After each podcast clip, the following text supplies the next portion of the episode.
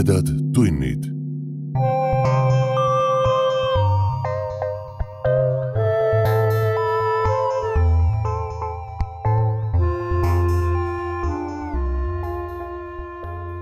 tere, hea ulmesõber. sa hakkad kuulama õudus- ja ulmejutu vestmis podcasti Tumedad tunnid viiekümne esimest osa. mina olen saatejuht Priit Öövel. enne kui jõuab kätte suur suvi ja meie suur suvine järjejutt, läheme tagasi minevikku, lätete juurde, nagu öeldakse. ehk siis meie puhul ulmeajakirja Algernon parimate palade juurde tänane jutt on ilmunud Algernonis novembris aastal kaks tuhat. kirjastuse Varrak kogumikus Eesti ulmeantoloogia aastal kaks tuhat kaks ja Siim Veskimehe autorikogumikus Kaugete päevade naeratus kirjastuses Fantaasia kahe tuhande neljateistkümnendal aastal. tänane jutt peaks pakkuma äratundmisrõõmu kõigile, kes on lugenud või kellele on loetud maailma üht kuulsaimat tuhande üheksasaja viiekümne teisel aastal ilmunud lasteraamatut. ah jaa, kaanepildil pole seekord Ukraina lipuvärvid, vaid hoopis ühe teise riigi omad. ma loen teile Siim Veskimehe jutu Naeratus aastate tagant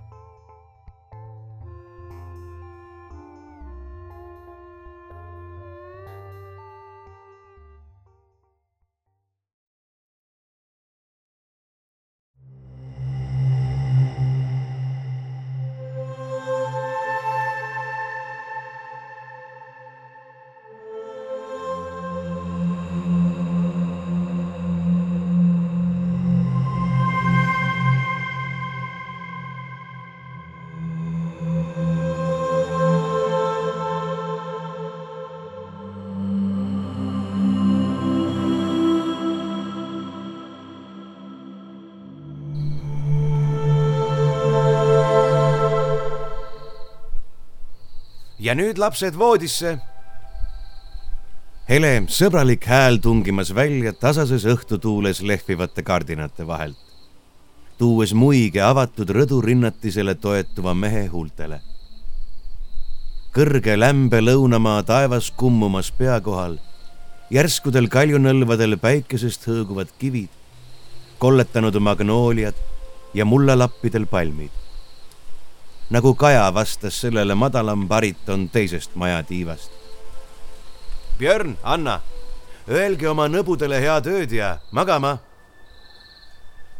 õielehed, närbunud ja pruuniks kuivanud rohi, basseinis pinisemas uppuv putukas. edasine vajus protestikisasse, mis nagu merelained lõid vastu vanemliku hoolitsuse murdmatuid kaljusid veevood taandusid häbistatult, kuidagimoodi sumbudes solvunud jorinaks, mis lõpuks lakkas. mehe pilk uitas ookeani laskuva päikese roosal, kauguses akvamariin sinisel sillerdusel, mis kõikvõimalikke rohelisi ja halle toone näidates lamas uinunud koletisena silmapiirini libises mööda ruskeid kallakuid, üles ronivaid madalaid valgeid ehitisi tumedaid suletud aknaluuke ja rüüpas käesolevast klaasist. tume viski jääga, torupillid, kildid ja udud. kohe saavad lapsed magama ja ta naine ronib vanni. hea. teda pole praegu vaja. ta õemees magas juba, nii et ta teadis, et õde peaks varsti siia üles jõudma. Neil oli vaja rääkida hellitlev ja sõbralik briis küpresside latvades, kaugel haukuv koer, viletsast krapist hoovav kohalik popmuusika. varem, kui ta arvanud oli, kuulis ta tasaseid samme. naine tuli trepist üles ja vaatas teda otsides ringi. lasi oma linavalge juukse pahmaka tuules lehvima ja astus siis kergelt lähemale. vend jälgis oma õde kui see vabal nõtkel sammul tuli. imetlus, mehelik hindav pilk, vaba soovidest, sest nad olid ühest verest. naine oli ilus, nii nagu on ilusad Põhjamaade kolmekümnesed. Nad mõlemad olid vaevalt paar aastat üle. elu alles algab. vanadus ja surm on kaugel, aastakümnete taga hämaruses. lapsed ja töö ei ole veel pääsenud hävitama nooruse pikka õitsemist. vormis hoitud keha, hoolitsetud nahk, põhjamaiselt hele, hõõgumas siin lõunamaa taeva all. juba lapsed uinutatud? sõbralik pilge küsimuses, heidetud hooletusega, mida vaid eluaegsed head sõbrad võivad lubada. jää kõlisemas klaasi kallis vedelik mulksumas välja külluslikult täis pudelist. sidrun, ginger ale. mees ulatas kaaslasele tringi. looda saab. samasugune hooletu muie. kuradile, Tom, mis ajas sa elad? Nad kasvavad, oled kuulnud? ega nad nüüd nii väikesed ka enam ei ole. toppisin voodisse, käskisin vait olla. küll nad auto uinutuvad sinu enda omad ju samasugused. no palju sa neid viimasel aastal oled magama pannud? mees langetas korraks pilgu. no tõele au andes pole ma neid eriti kunagi magama pannud. Liisa tegeleb sellega. kas sa siis ei võtagi laste kasvatamisest osa? Masculine pig. lapsed vajavad isa sama palju kui. Fuck off, Ann, palun, kui võid no nüüd hakkad sina ka seda feministlikku paska ajama, mida niigi igalt poolt kõrvadesse kustakse. meil oli Liisaga sellepärast omal ajal palju tülisid, sa tead ju küll. elasime ju isegi lahus natuke aega. enne kui ta taipas, et ta saab minuga sellisena, nagu ma olen või ei saa midagi. ta on täpselt samasugune rikutud moodne naine nagu enamik meie kaasmaalannasid. õiglus, võrdsus, demokraatia, tildism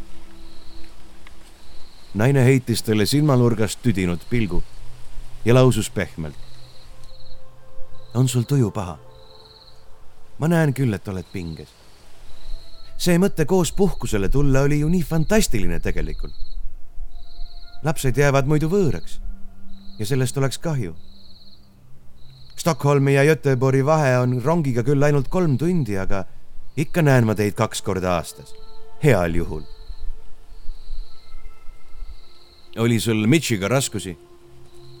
mees oli eelmise teema juba unustanud. sul Lissaga? ei. Mitchil ei ole selle koha pealt ideid. mitte kunagi. mõnikord on see masendav. head nii palju, et tal polnud mingeid vastuväiteid. ta ainult noogutas, vedades oma valve hobuse naeratuse näole, kui teatasin, et sa organiseerid ööbimise ja võtad ka piletid ära toon oli kerge, pisut irooniline. naine oli omale joonelt kaks kokteili kurku kallanud. Need olid lahjad ja oli palav. aga nad pidid ometigi natuke kohe mõjuma hakkama.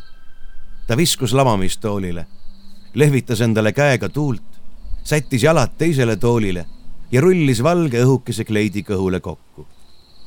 vend jälgis teda muiates. mis ajast sa pükse kannad? Kui ei kanna, tuleb Mitchi silmadesse selline sünge ja kahtlustav pilk, millega ta siis ülejäänud meessooga suhtleb. vaatamata kõigele, mis ta räägib. ja õlut läheb ka väga palju. parem ma ei kiusa teda. tal pole lõpuks ju häda midagi. keegi käivitas mootorit. punaka liivaga kaetud teedel kõndisid üksikud kirevad inimesed kui võimatud maasse aheldatud liblikad vihmutite kaskaadidel mänglemas vikerkaared viimases kaduvas valguses. üksikud rohututid tumedal vulkaanilisel kaljul kui verre kastetud, helendamas loojuva päikese ääsikumas. Tom, kes korraks pilgu uitama oli lasknud, fikseeris selle jälle naisel. nii et tõesti saate jälle paremini läbi. on see uus algus või leppimine? Ann muutus korraga süngeks ja peitis mitmeks pikaks hetkeks nina klaasi. saame, ei saa, saame, ei saa. mis vahet? jah, eks ta ole leppimine. otsid omale üht fucking meest, ükskõik mida ta lubab. kümne aasta pärast embab ta ainult diivanit. vahib tölbilt telekat ja kaanib õlut. aga selleks ajaks oled ise ka juba kümme fucking aastat vanem. sul on paar fucking last, teil on üks fucking maja ja üks damn fucking kuhi võlgu. sa maksad makse, mis on nii suured, et sa tead, et selle raha eest elavad veel vähemalt kolm fucking perseauku sama hästi kui sina.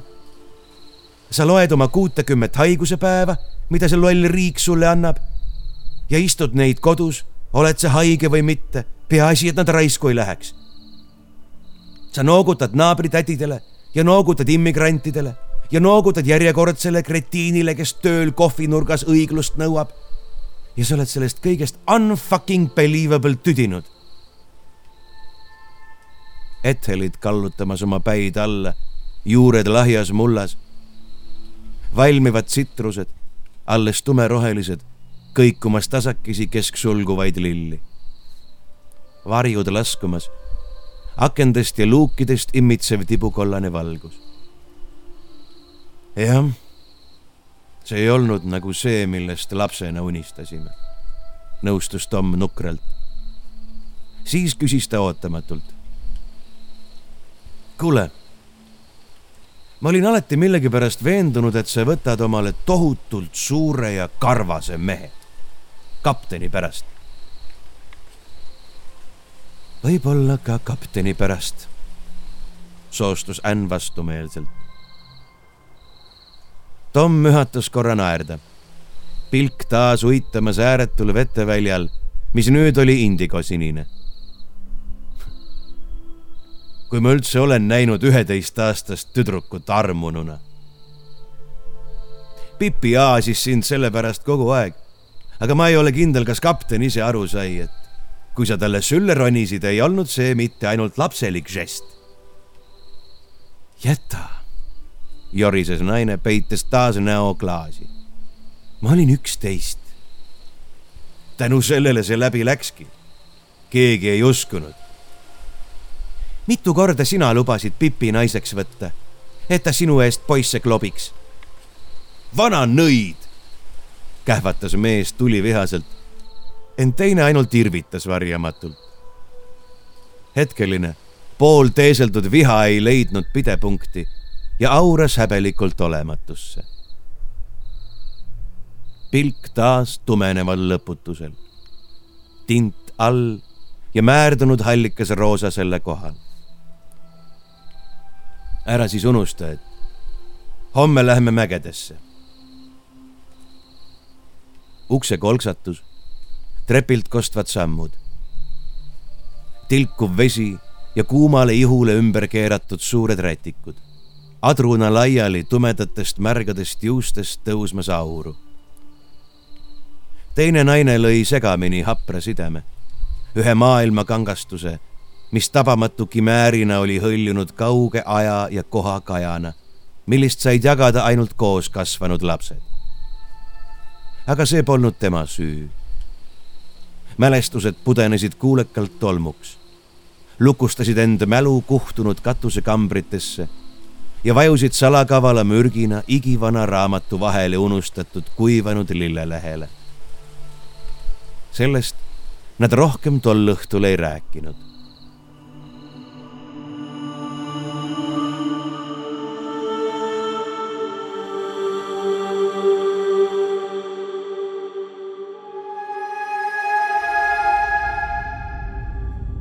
väike üüriauto keerutas aina kõrgemale mööda tuhvist mäe külge. igal käänakul avanesid uued fantastilised vaated. ära kihuta. Ann tundis end halvasti ja üritas hoiduda vaatamast aeg-ajalt kohe siitsamast auto aknast algavasse mitmesajameetrisesse sügavikku. ma ei kihuta, porises Tom hambad ristis autot juhtides kiirust pole kolmekümmetki. See neetud tee, kuidas kohalikud siin sõidavad? Neid saab aeg-ajalt surma ka, pistis naine. ta silus juuksed laubalt ja küsis siis. sa ei ole mulle ikka veel öelnud, kuhu me õieti läheme? Tom juhtis pisut aega vaikides, ohkas. seda on raske seletada ma ju ütlesin, et võin lolliks jääda. ütlesid. ja seda ütlesid ka, et tegelikult korraldasid kogu selle reisi just selle tänase sõidu pärast. aga võib-olla sa ise ütlesid, et oled palju mõelnud ja peaaegu et ummikus ja et tegelikult peaksin ma olema ette valmistatud, kui sul juhtub õigus olema. mees ohkas veel kord, võttes järske kurve kitsal mäkke tõusval teel. Oled sa mõelnud, kes need meie naabrid omal ajal tegelikult olid? naine heitis talle kiire pilgu, siis langetas selle põrandale jalgade juures. muidugi olen, aga ega midagi arvata küll ei oska. no rootslased nad ei olnud. Neil mõlemal oli tugev aktsent. ja raha oli neil ka rohkem, kui see meil sünnis on. Kui sa taipad, mis ma mõtlen. sa vist isegi otsisid kunagi seda firmat, kelle kaudu nad maja müüki korraldasid. jaa. nagu sa tead, olen üritanud nende jälgi ajada. ostsid nad maja ühe firma kaudu, müüsid teise firma sai korraldused teiselt firmalt Inglismaalt, kes omakorda sai need kelleltki teiselt, väidetavalt. Tegelikult olin ma juba kümmekond aastat tagasi loobunud otsimast. kui mulle juhuslikult sattus kätte see. ta võttis tagaistmelt mapi ja haaras sealt käsikaudu ühe kiirköitja, lehitses seda, heites kiireid pilke põlvedele ja teele, ulatas siis kõrvalistuja sülle see, see on koopia ajalehest, nagu sa näed. kohalik. Tenerife Rior. Hispaaniakeelne tekst räägib mingitest isa ja lapse võistlustest. vaata fotot.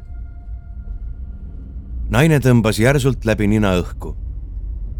räägi edasi, nõudis ta nüüd palju huvitatumal toonil. ega muud polegi oli raske, kuid täiesti tehtav teha kindlaks, kellest pilt on. Senor Edmundo di Galleda. tüdruku nime ma ei tea. Senor aga elab siin. Ta osutas käega ettepoole. Santa Lucias. vähemalt elas kaks kuud tagasi. naine mõtles minuti, kurd silmade vahel, siis lasi end vastu autoistet lõdvaks. see on tobe, hakkas ta naerma, ent tõsines siis siiski tänan, et sa mu kaasa võtsid. jah, väga võimalik, et see on tobe, nõustus mees vastu tahtmist. nagu sinagi, ma lihtsalt pidin siia tulema. mul oli võimalik sind kaasa võtta, et mitte üksinda väga loll välja näha. mees heitis selle lausejupi vabandavalt muiates, siis jätkas. kui me kedagi ei leia, sööme lõunat ja lähme teiste juurde tagasi.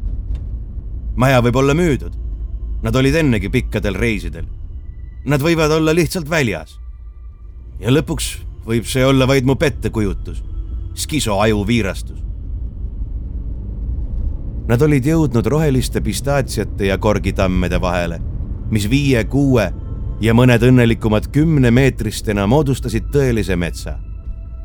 kaljudel oli kerge tudu, öösel oli sadanud ja mägede tippudesse takerduvad pilved olid veelgi vett täis tee pööras ühe vana müüri äärde. mees peatas auto ja nad ronisid välja. naine silmitses arvustava pilguga taevast, siis võttis teksajaki. troopika, kommenteeris ta pahaselt, seda oma pea läbipaistva siidpluusi peale ajades. lähistroopika, parandas Tom. pealegi on veebruari algus ja meie kõrgel mägedes. hooaeg ei ole alanud ta ise kõhkles ka, kas mitte T-särgile midagi peale tõmmata. üks päikesekiir murdis pilvedest läbi ja kallas kitsa riba üle närvetava praeahju kuumusega. mees lõi ukse kinni ja lukustas. kuhu? küsis Ann. Tom kehitas õlgu. tuleb küsida. ta peatas ühe mööduva kohaliku. Excuse me, do you speak english? naeratus pearaputus.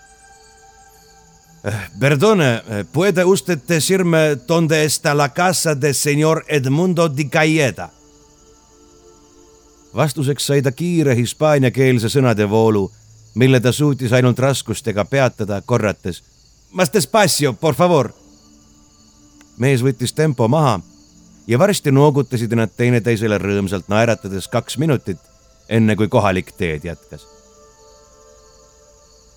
sealpool, osutas Tom ja palus õel viisaka viipega astuma hakata. ma ei teadnudki, et sa hispaania keelt oskad, märkis see lugupidavalt. ega ma tegelikult ei oskagi. Nad sammusid kõrvuti mööda valgetest kividest teed mida ääristasid loorbergirsi hekid ja kaela langevad kuldvihma õiepuhmad. olen viimase aasta jooksul õppinud, peale seda, kui tolle ajalehe leidsin. vana värava sepisrauast kaar oli uppunud väänkasvudesse, värav ise samuti. tõrksad painduvad varred murdunud ja rebenenud hingede juures, sest inimesed ei saanud oma käike taimede pärast tegemata jätta aed, mis selle taga pilgule avanes, oli hooletusse jäetud. tumedast kivist katusega hoone piilumas mürdipuhmaste vahelt. Gekod jooksmas ringi müüridel. lindude laisk askeldus madalate jaanikaunapuude vanadusest väändunud võrades. mesilaste sumisev lend. siin ei ole uksekellasid, pomises Tom. Õnneks ka mitte koeri. ta lükkas värava lahti Nad vaatasid kõheldes teineteisele otsa. siis läks mees sisse, ootas oma kaaslast järgi ja sulges värava. Kruus krigises valjult nende jalgade all keskpäevases tiines unises vaikuses. mõlemad uudistasid avatud uksi ja aknaid. mõlemad märkasid peaaegu korraga valge linaga kaetud söögilauda aias varikatuse all. Buenos dias ¿Puedo ayudar en algo? teismeline tüdruk oli tulnud avatud uksele ja vaatas nüüd küsivalt nende poole. Pipi, ohkasid nad korraga. tüdruk vaatas neid nagu midagi meenutades või kõheldes.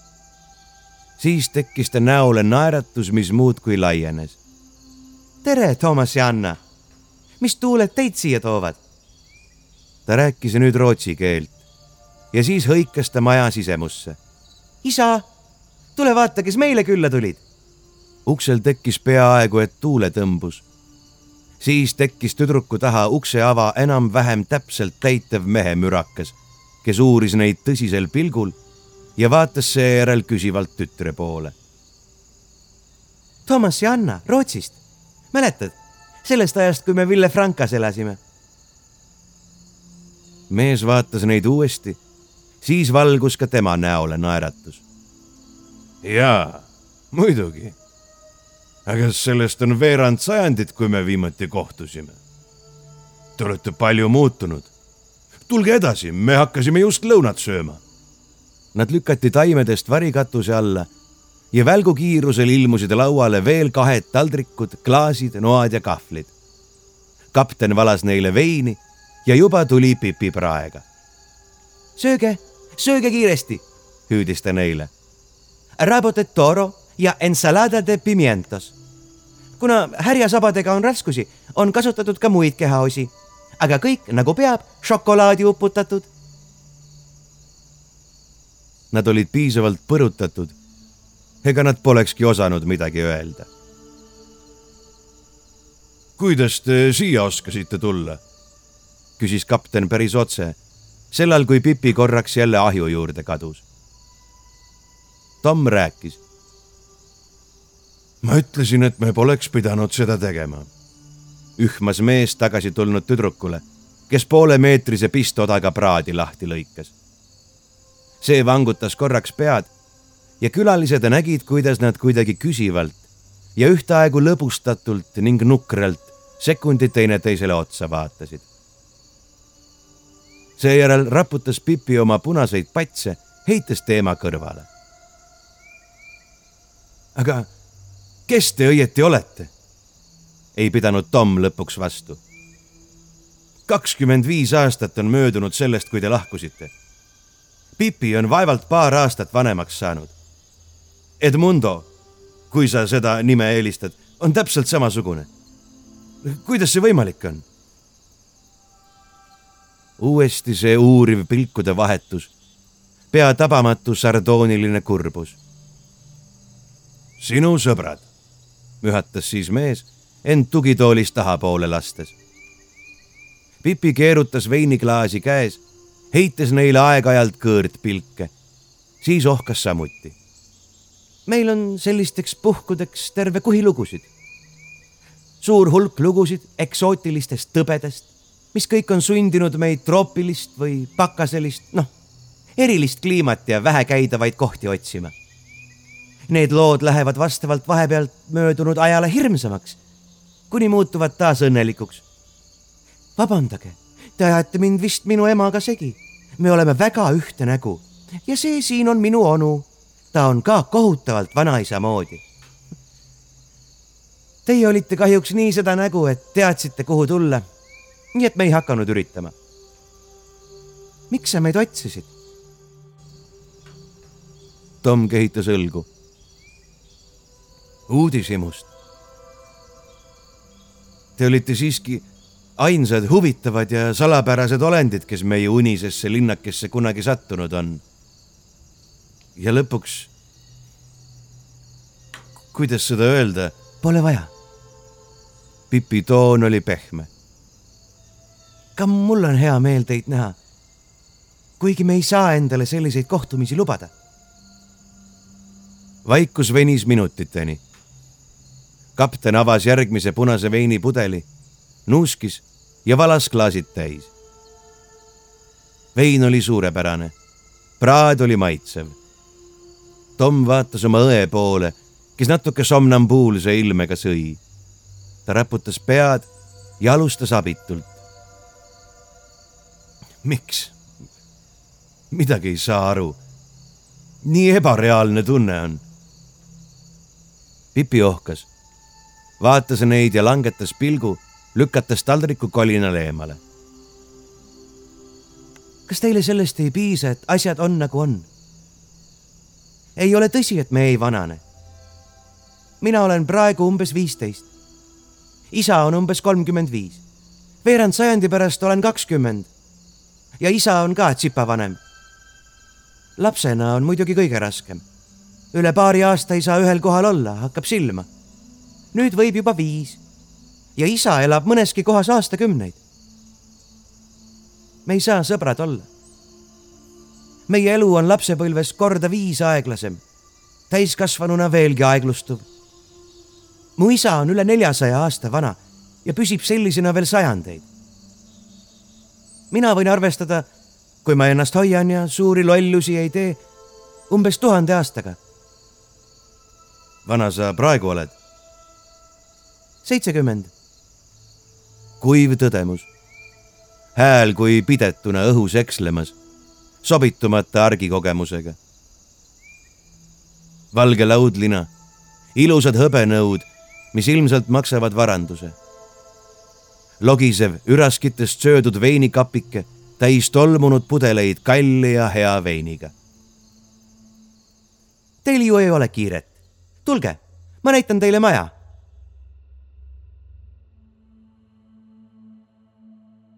meeldiv jahedus uhkamas massiivsetest kiviseintest.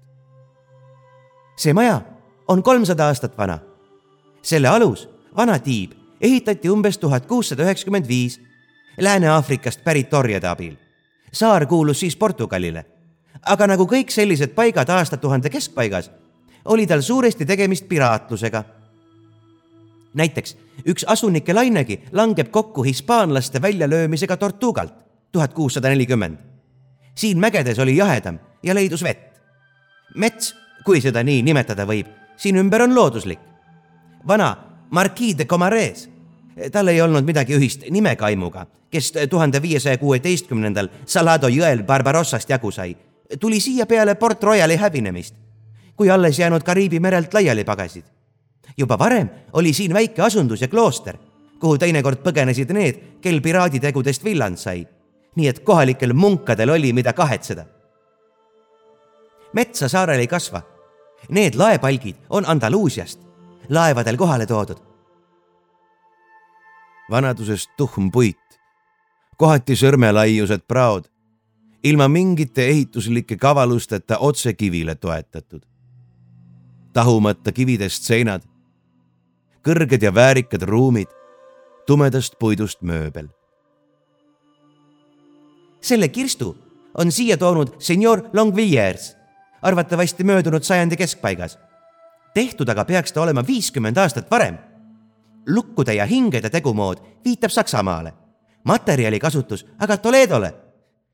ehk on raudosad Baierist mõnes Hispaania töökojas kokku pandud ja siis kusagil siin maha müüdud. uksi on hiljuti remonditud. Sest erinevalt teistest sellistest majadest käivad nad normaalselt. hingi ja lukke on rüvetatud silikoonmääretega, mis neile aga ainult hästi mõjuvad. harva on kaks ruumi sama kõrgusega ja mis veel hullem, samal kõrgusel põrandaga. kiviparkett, ilmselt otse pinnasele laotud. mehe jämedustele palkidele toetuv pliidikumm, mis otse korstnaks üle läheb. Need õlilambid on ühed esimesed, mis uues maailmas tehtud idaranniku tehased said jalad alla tegelikult juba enne kolooniate iseseisvumist. nii et see aastaarv siin all, tuhat kaheksasada seitse, võib õige olla. hiljem ei oleks keegi neile nii palju materjali raisanud. vaata, kui massiivne on pütt. tahikruvi võiks mõni hull inkvisiitor edukalt kasutada pöidlakruvina. selliseid peab nägema ja katsuma, enne kui uskuda vanade raamatute jutte, kuidas keegi lambiga surnuks löödi Pipi ja Ann võtsid aia ette. Tom tüdines sellest veerand tunniga. Nad vahetasid Edmundoga pilgu, kui naised peadpidi järjekordses õitsvas põõsas olid. võib-olla me jätaksime daamid igasuguseid rohelisi elusaid asju vaatama ja ma näitan sulle oma relvade kollektsiooni ja ühtlasi oma konjaki kollektsiooni igivanast punasest puidust klaasidega kapid roheline kalev, sellel ajast ja arust relvad. tuhm, kuivanud verevärvi raud ja vaserooste, must õlitatud puit. ma rikun loomulikult selliste kollektsioonide hoidmise reegleid, enam-vähem kõiki. mul ei ole nad seifis, mul ei ole signalisatsiooni. aga sa saad muidugi aru, et ega ma seda tegelikult ei vaja. lisaks on tulirelvad töökorras tobe ju. keegi ei nõua, et ma mõõgal tera maha äästaks, siis see ei ole ju enam mõõk. püstolil aga tuleks lööknõel ära võtta, siis see ju ei ole enam püstol. hõbekaunistused, kujuteldamatut vaeva nõudnud käsitöö, osavad käed avamas padrunisalvi, mängimas mehhanismidega seda hüüti omal ajal kuningatapjaks. Inglise töö tuhat seitsesada viiskümmend kuus. kaheraudne püstol. palju enne, kui esimene Colt või täpsemalt Patterson möödunud sajandi kolmekümne kuuendal ringlusse läks. aga neid tehti ka hiljem, sest nood kuuelasulised, kus trummel käsitsi täis topiti, olid rohkem lähivõitlusrelvad. ainult filmides tabatakse märki, mis paarkümmend meetrit eemal on ja need vaesed kaheksakümmend Comanche, kes neljakümne neljandal maha lasti, läksid selle nahka, et arvasid, et peale esimest lasku tuleb nagu muiste ja mullu alustada lähivõitlust. kahjuks on relv arvestatud ümmargustele kuulidele. see piirab laskekaugust. aga veel sada aastat tagasi oli see kroonitud peadest lahti saamiseks üks üsna hea meetod. tumedas kapis tolmunud pudelid erinevatest ajastutest ja erineva kujuga, nii nagu inimfantaasia neid on vorminud. suured lameda põhjaga klaasid, kogenud käega valatud sorts, lasta käe soojuses sulada ja elama hakata. nina pilve ja imepisike lonks, mis hajub suus, nii et neelata ei ole tegelikult midagi see peaks olema Napoleoni esimesi versioone aga ma kahtlen ta autentsuses. vana on ta küll ja piisavalt omapärane, et tegelikult mitte nende taevalike vedelike hulka kuuluda. see aga on Hain, tehtud Inglise kuningannale. väga väärikas, hästi tasakaalus, suurepärane, ent nagu Inglise kuningakojale kohane, masendavalt igav jook. pärastlõuna virvendav kuumus, lindude laisad siutsud ja putukate tsäksuv sumin, rooside, metsviinapuude ja koriandrite lehad palavuses trammetus õhus pääsukeste ja viirpapagoide kiire lend ja solvunud kädin.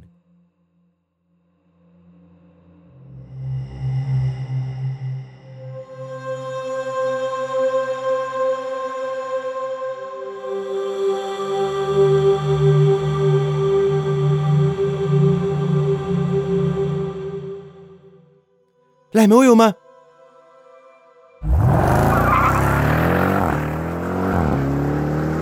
Grand Cherokee möiratas nagu vihane äike. hoidke kinni. loodame, et teil on reisikindlustused ikka ilusasti korras. isa on hea juht, aga autosid läheb palju. turvavööd peale. Ameerika mäed pole sellega võrreldes midagi. võimas masin keerutas üles kruusa ja tolmu.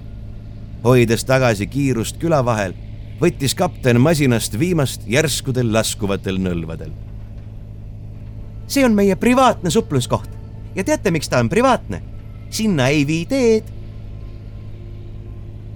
Ann, hoidmas kahe käega istmest, leidis siiski võimaluse käega osutada. mis märk see siin tee kõrval oli? ah, et turistid surma ei saaks. see tee pole tegelikult tee. Need on siin ainult meie jäljed. asi on selles, et kohe tuleb üks umbes kümnemeetrine kuristik. see tähendab, et laiust on tal kümme meetrit sügavust omab paarsada. enamasti saame me sellest ilusti üle. isa, vaata, et sa korralikult hüppad. meie ronime sealt välja, aga külalised ei ole kindlasti rõõmsad, kui nad mitmes tükis koju tagasi saabuvad. kas äh, hüpe ebaõnnestub tihti? Tom ei saanud midagi teha, et ta hääl ei kõlanud nii ükskõikselt, nagu ta oleks soovinud. ei, sugugi mitte. saad aru hüpe õnnestub ikka piisavalt tihti, et me siiski käime ujumas. see tähendab, et kui me ujuma läheme, saame ikka enamasti arvestada, et me satume ujuma, mitte ebamugavast lähteasendist kalju ronimist tegema. aga neid plekist lumeraitsakaid peaks üksjagu seal oru põhjas vedelema. ta patsutas auto esiistet. Mootor kogus protestides kiirust, rattad panid libisedes masina vibama, veel üks metsik mööratus siis olid nad õhus ja siis olid üle. kuristik oli vast kolm meetrit lai ja kümme sügav. muidugi igal juhul piisav, et normaalseid inimesi normaalsete autodega eemal hoida. ühtegi vrakki ka põhjas silma ei hakanud. tume liiv oli puutumata, ühtegi ehitist ei hakanud silma. maastikumasin laskus ettevaatlikult mööda järsku kallet kapten lülitas mootori välja ja siis oli nende ümber ainult lainemüha ja kajakate kisa. oi, meil ei ole ju ujumisriideid. kas need aitavad kuidagi vee peal püsida? siin pole ju ühtegi inimest, kui meid mitte lugeda. Muide, ma tundsin kord üht meest Sansibarist, kes läks ujuma alati pealaest jalatallani lambanahksesse kombinesooni riietatuna liivakarva meritäht, heledam kui ümbritsev tume vulkaaniline liiv, pööramas end laisalt lainetes, siniste, punaste, kollaste ja hõbedaste kalade parved. haigru kiire allasööst ja suur lind hõljub minema visklev kalanoka vahel. pea esimesed lained kastsid märjaks kiiresti alaneval põhjal ja tuli ujuma hakata tulisoolases üle pea kokku löövas lainetuses Nendele kaljudele tuleb ronida merepoolsest küljest, käed-jalad ette ja lasta end siia lamedale platoole visata. kui eksid, tõmbavad need teravad kaljud su kõhu lõhki ja kalad panevad pooled siseelundid nahka, enne kui kaldale jõuad. Anna, kas sa oled ikka selline ettevaatlik nagu lapsepõlves? isa, tõsta ta parem ise üles. suur mees sööstis lainetest välja, toetus harkis jalgadega kindlalt kaljule üks käsi tungis kaljuprakku ja hoidis teda raudselt paigas. teine käsi sirutuse nii kaugele, kui ulatus. Ann klammerdus selle külge ja mees tõstis ta nagu tite veepiirist kõrgemale eendile.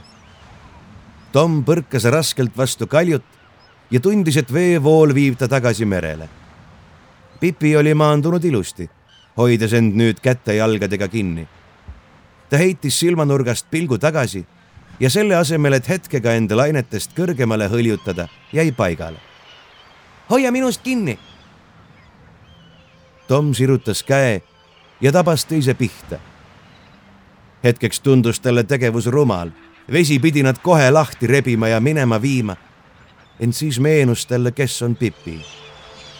ta tundis käe all ookeanist külma nahka. selles kehas oli pehmust vähe ainult kivikõvad kõhulihased. siis oli sõrmede all midagi pehmemat. Tom taipas ja üritas kätt teise asendisse nihutada, ent tal oli kinnihoidmisega tegemist. Korraks kandis järgmine laine ta vastu tüdrukut, ent järgmisel hetkel olid nad mõlemad ohutult eendil. Tom kartis teise poole vaadata, ent kui ta seda lõpuks silmanurgast teha söandas tabas ta tüdruku lõbusalt muigamas. ega siin muud teha pole, kui merd nautida. tormiga löövad lained üle ja siis ei käi ka meie siin, sest ei saa ju olemist nautida, kui liiga palju on tegemist kinnihoidmisega. Keegi teine pole vist kunagi käinud. kalda poolt on ohutu hüpata, nii et läksime. nahk oli soolakas ja päikesest kihelev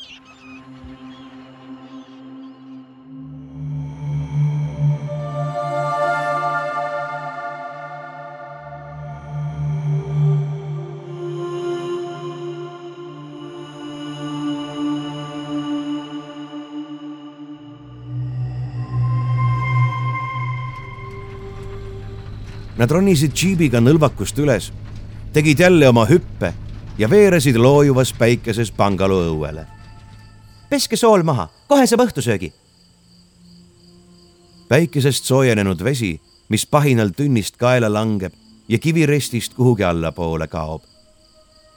rätikud ja hommikumantlid, kandelaabrites hubisevad tuled, veripunane loojang ja tumenev taevas, värsked austrid ja vana vein. talvetuules lendlevad kuivanud lehed, pehme soojus ja hingematev orhideede aroom, mida elustavat jahedust ja niiskust kandvad puhangud salvrätikuid kaasa võttes põõsaste vahele kannavad. laste kilked ja bänjohääled naabermajades, lahkuva majapidaja sõbralik hispaaniakeelne jutuvada. meil oli kord Bruneil majapidaja kes ostis vajalikust umbes kaks korda rohkem toitu ja sõi selle teise poole ise ära. ega me poleks ju talle midagi öelnud, kui ta oleks oma peret toitnud. seletas Pipi kaaviari röstsaiale määrides. ütleme, et ka sel juhul oleks ta olnud ligikaudu aus, aga ta sõi selle kõik tõesti ise ära. kõhn ei olnud ta algusest peale, aga meie juures paisus ta umbes kilo päevas. me otsustasime, et kui ta enam uksest läbi ei mahu, laseme ta lahti see on heategu tema enda tervist arvestades. umbes poole aasta pärast tuli ähvardus teoks teha. kaks kuud hiljem oli ta tagasi, enam-vähem oma algses vormis, ainult nahk lotendas. kuna ta oli päris hea kokk ja hoidis ka maja korras, kuni kummardada suutis, võtsimegi ta tagasi. et teda mitte kaotada, hakkasin teda jooksutama ikka mäe otsa ja tagasi. kui ta meie juurest kaks aastat hiljem ikka ära läks, siis mitte sellepärast, et ta parema koha leidis vaid et ta oli mingid kohalikud jooksuvõistlused võitnud ja Brunei olümpiakoondisesse arvatud. kapten oli rääkinud midagi telefoniga. nüüd laskus ta rahulolevalt ägisedes protesteerivalt nagisevale toolile. kuus naervat ja omavahel naljatlevat kohalikus riides meest ja naist trügisid väravast sisse, moodustasid orkestri ja lõid lahti pillimängu ja tantsu. oih kas meie oleks pidanud omasid hoiatama, et kauaks jääme? ärge muretsege, kõik on korras. ma juba teatasin, et tulete hiljem. tegelikult homme. just öösiti siit teelt kuristikku kukutaksegi. kohalikud joovad lähkrite kaupa veini ja siis vaatavad, palju neist alla jõuab. kord saabus siia üks kindlustusagent, kes esmalt leidis, et tõeline paradiis, kellelgi ei ole elukindlustuslepinguid. teisel päeval võtsid kohalikud ta kaasa alla lõbutsema. järgmisel hommikul kadus ta vaikselt, ühtegi lepingut sõlmimata. aga tõesti, ärge muretsege, teie omad teavad, et teiega on kõik korras. kord kiire, kord aeglane viis, rõõmsad näod, hingeminev vana muusika, aiateedel põlevad tõrvikud. on teiesuguseid palju? mõned tuhanded. meid on kogu aeg vähemaks jäänud. ma ei tea, miks, aga meie aeg on läbi. me kaome. ühel päeval meid enam ei ole. iga generatsioon on eelmisest väiksem. kas te lõplikult inimeste hulka ei kao? jällegi see pikk nõu küsiv pilk isa ja tütre vahel. õlakehitus. me ei tea põhjusi. palju on minevikust kaotsi läinud. me teame vaid, et me ei ristu tavaliste inimestega meil olid omad legendid.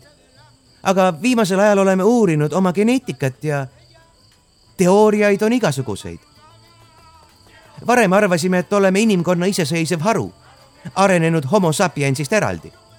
nüüd ringlevad isegi oletused, et me ei ole maalt pärit. aga seda väidetakse teinekord ka kogu inimkonna kohta. mida räägivad teie legendid? Atlantis? Atlantise luuletas Platon kokku ähmastest teadmistest Madeira kohta. rohkem on seal vaevalt küll kunagi midagi olnud.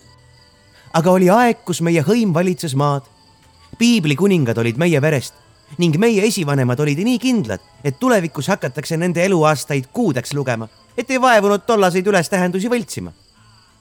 hiljem oleme ennast rohkem varju hoidnud, sest kõige kurvem järeldus meie kogemustest oli, et inimesed saavad iseenda valitsemisega hakkama. jah me suutsime ära hoida sõdu ja julmusi, aga ainult teatud aja. siis puhkesid tapatalgud veel verisemana. inimkonnal on oma tee. meil ei ole siin kohta. kaugele teie teadmised ajaloost ulatuvad? miks sa arvad, et need legendidest eristatavad on? Teie ajaloo alguses, kui me veel suuremate hõimudena koos elasime, pidasid inkad meid jumalateks, kreeklased pronksi ajastu inimesteks ja nii edasi. me saime inimestelt lüüa, alati. meil olid paremad relvad ja me olime tugevamad. aga inimesi oli palju ja nad paljunesid palju kiiremini. kui me üldse tahtsime ellu jääda, tuli katsuda mitte organiseeritud hiidtapatalgute teele jääda. miks? Pipi pani käe Tommi huultele ja tõmbas ta püsti. küsi vähem, tule, jalutame ringi Teie? see küsimus oli Annile ja Edmundole. peale seda päeva. Ann vedeles toolil ja imes veini. ta õhetas ja oli üsna pehme. me oleme teineteisele seltsiks. mörises kapten ilmselt hea meelega, et liigutama ei pea kuuvalge tee tõusmas kaljudele, samblad ja rohutuustid pragudes, päevast veel soe. esimeste kaljude juures lõppesid majad ja inimeste laotud müürid, mis aedu piirasid. jalaga tonksatud kivikene kadus kuristikku. sekundi kahe pärast kostus vaikne täksatus, kui ta põhja jõudis. ma ei usu seda. ei usu, et olen siin. ei usu, et see kõik juhtub minuga Pipi oli vallandanud oma punased juuksed. kehalt ja olemiselt peaaegu laps, pilk sellega sügavas vastuolus. näojoontes kurbus ja tarkus, sest elanud oli ta rohkem kui paljudele tavalistele inimlastele aastaid antud.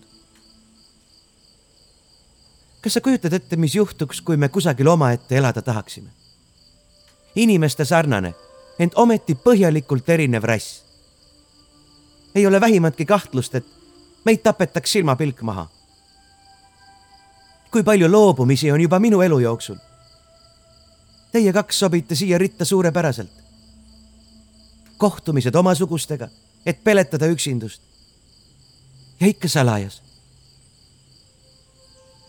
tähtede tuhm valgus üle tumedate orgude, silmapiiril aimatav ookeani raske hingus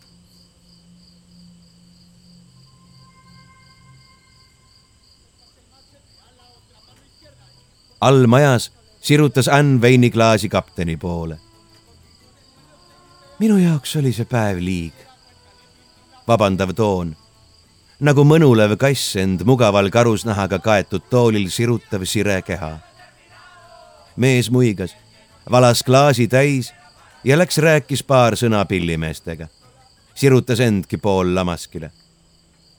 mängijad kummardasid ja kadusid vaateväljast. Vaikne kitarrimuusika kostus nüüd värava tagant. mis sa neile ütlesid? palusin veel veerand tundi mängida. aga nii, et nad tervet tänavat üles ei ajaks. ja mul oli nende nägemisest villand, saatsin nad silma alt ära naine piidles lõbusa huviga enda kõrval lamavat ja veini imedes taevasse vahtivat meest. Kapteni antiikskulptuuri meenutav proportsionaalne, tohutute lihastega keha lamas vaikselt. uinuv titaan, maa all hõõguv vulkaan, kammitsetud hiigeljõud.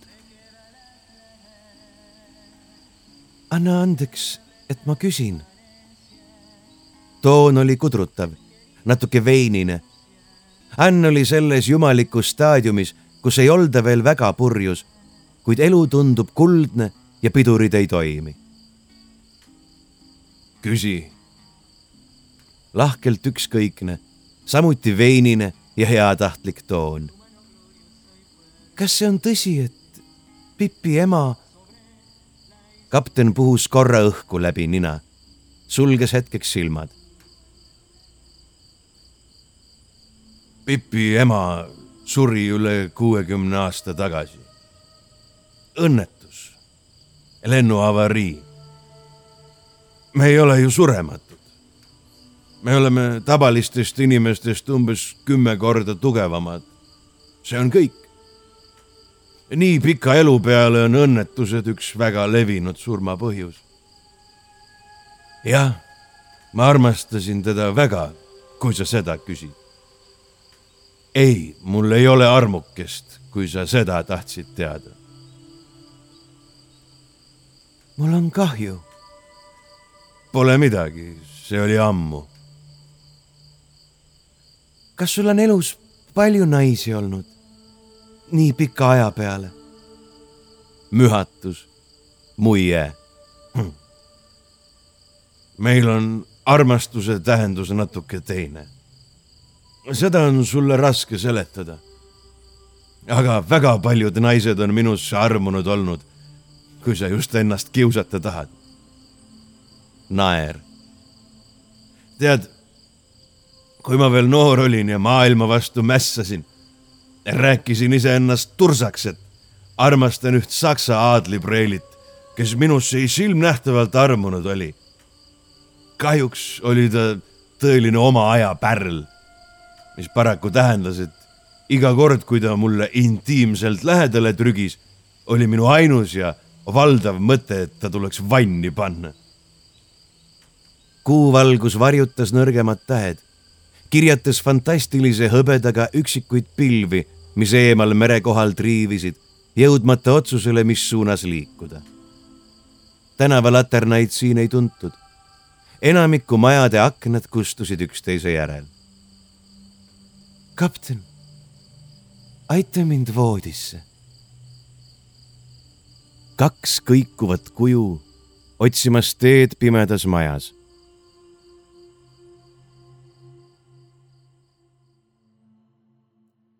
kuhu sa siis nüüd lähed? sina oled purjus ja mina olen purjus. kas sa ikka tead, mis sa teed? ma ei annaks endale eluaega andeks, et selle võimaluse käest lasen. tule, kapten. kaks pikalt jalutuskäigult naasnud kogu katusel. punakas, verejas rõõsa lapilise ilmutisena madalal horisondi kohal rippuv kuu, toomas välja hurmava, ebamaise vaate helkivatele kaljudele raudplaadina rohekas metallset helki pilduvale ookeanile, tumedate varjukuhilatena kaarduvatele puudele ja põõsastele. Tom kõhklemas, siis sirutamas käed ja tõmbamas tüdrukut enda vastu. uudistavad rohelised silmad, kõhklus. tüdruk ei osutanud vastupanu, ainult suunurgas võbelev muie. kohtuvad huuled, pikk, pikk suudlus. Pipi, kallis, ma. Tom jäi abitult vait, teadmata, mida öelda ent teist lahti lasta ei raatsinud. sa ei tea, mida ma asjast mõtlen. et kas ma olen laps või naine? ja lisaks sa kardad, sest sa tead, et ma olen sinust palju kordi tugevam. tola, kui ma end juba suudelda lasin. aga sa ei esita õigeid küsimusi. Vist mitte. ma parem suudlen veel. pikk, pikk suudlus Lähme parem alla, ega sa enne rahule ei jää. Pipi tõmbas teda kättpidi pimedas majas, juhtides teist osavalt mööbli ja muude ohtlike kohtade vahel. tasa, isa ja su õde magavad. ma vist kahtlen selles. Pipi kuulates. aa, sul on õigus. üks voodi jääb veel kasutamata no vaata aga vaata, õe nääpsu. pomises Tom mõtlikult. uks sulgus vaikselt. kobamisi leidis ta voodi, otsis tüdruku kleidi kinnitusi, sai selle kuidagimoodi ära ja surus huuled kehale, mis juba kord meres oli ta embuses olnud. Nüüd ei olnud see külm ja soolane, vaid soe ja kummaliste võõraste lillede lõhnaga mis asi sulle nalja teeb? ei suutnud ta küsimata jätta, kui ta vaikselt naerda pugiseva tüdruku pikali lükkas ja kõhnalt, veel arenevalt kehalt kõikjalt kui šampanjat jõi, kartmata haiget teha. ta ei saanud vastust ega oodanudki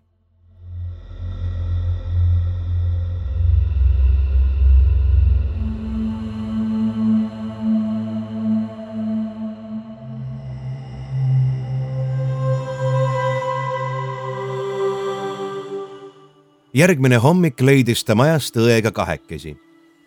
Nad olid maganud kaua. Ann oli esimesena hommikusöögilaua leidnud ja keerutas käes paberilipakat, kui unine vend välja ilmus. Nad on läinud. Tom võttis paberi ja luges valjusti. unustasime teile öelda, et peame täna varahommikul lahkuma. me ei tule sinna majja arvatavasti kunagi tagasi sest töö viib meid mujale ja maja müük oli juba ammu kavas. sööge hommikust ja me mõtleme seda tõsiselt, palun, palun võtke endale midagi mälestuseks kaasa. me ei saa teile kahjuks head aega öelda, sest te magasite nii magusasti. kui me ei peaks enam kohtuma, mis on enam kui tõenäoline, siis kõike head teile ja teie peredele. elage hästi Tom matsatas istuma ja valas endale automaatselt kohvi. seda oli arvata.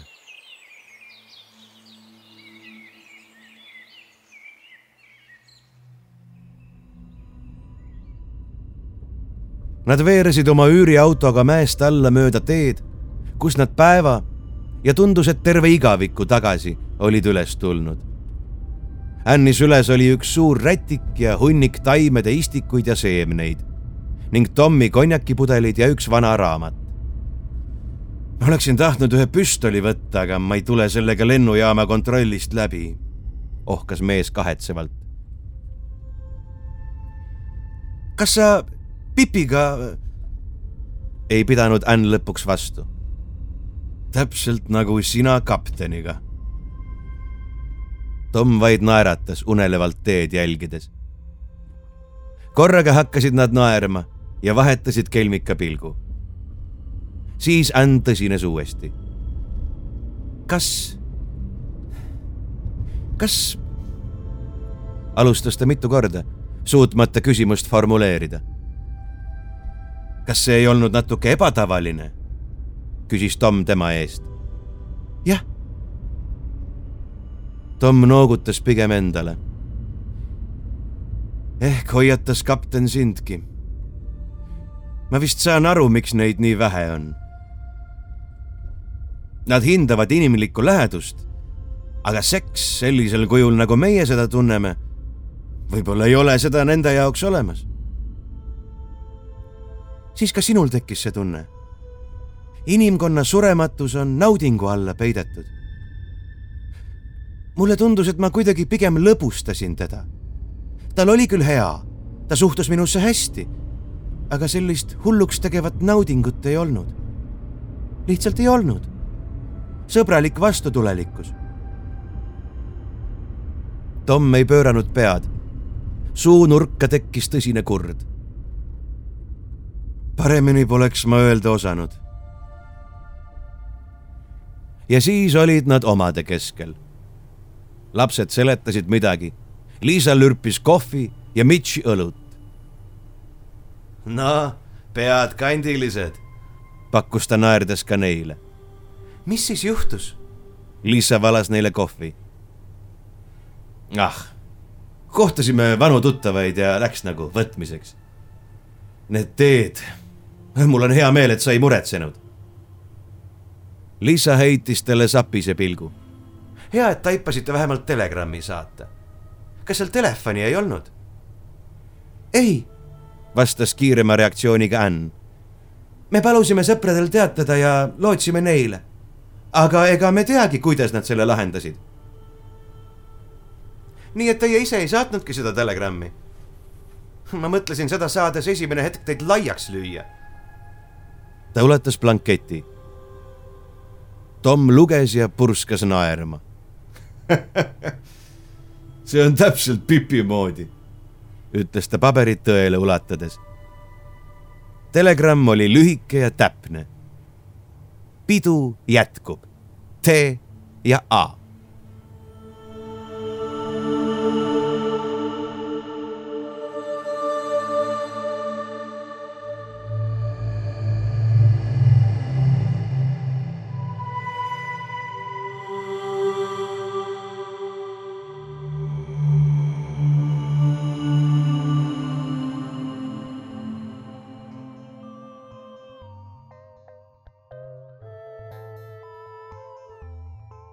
Te kuulsite Siim Veskimehe ulmejuttu Naeratus aastate tagant. me kohtume teiega taas juuni lõpus, kui algab meie suur suvine järjejutt.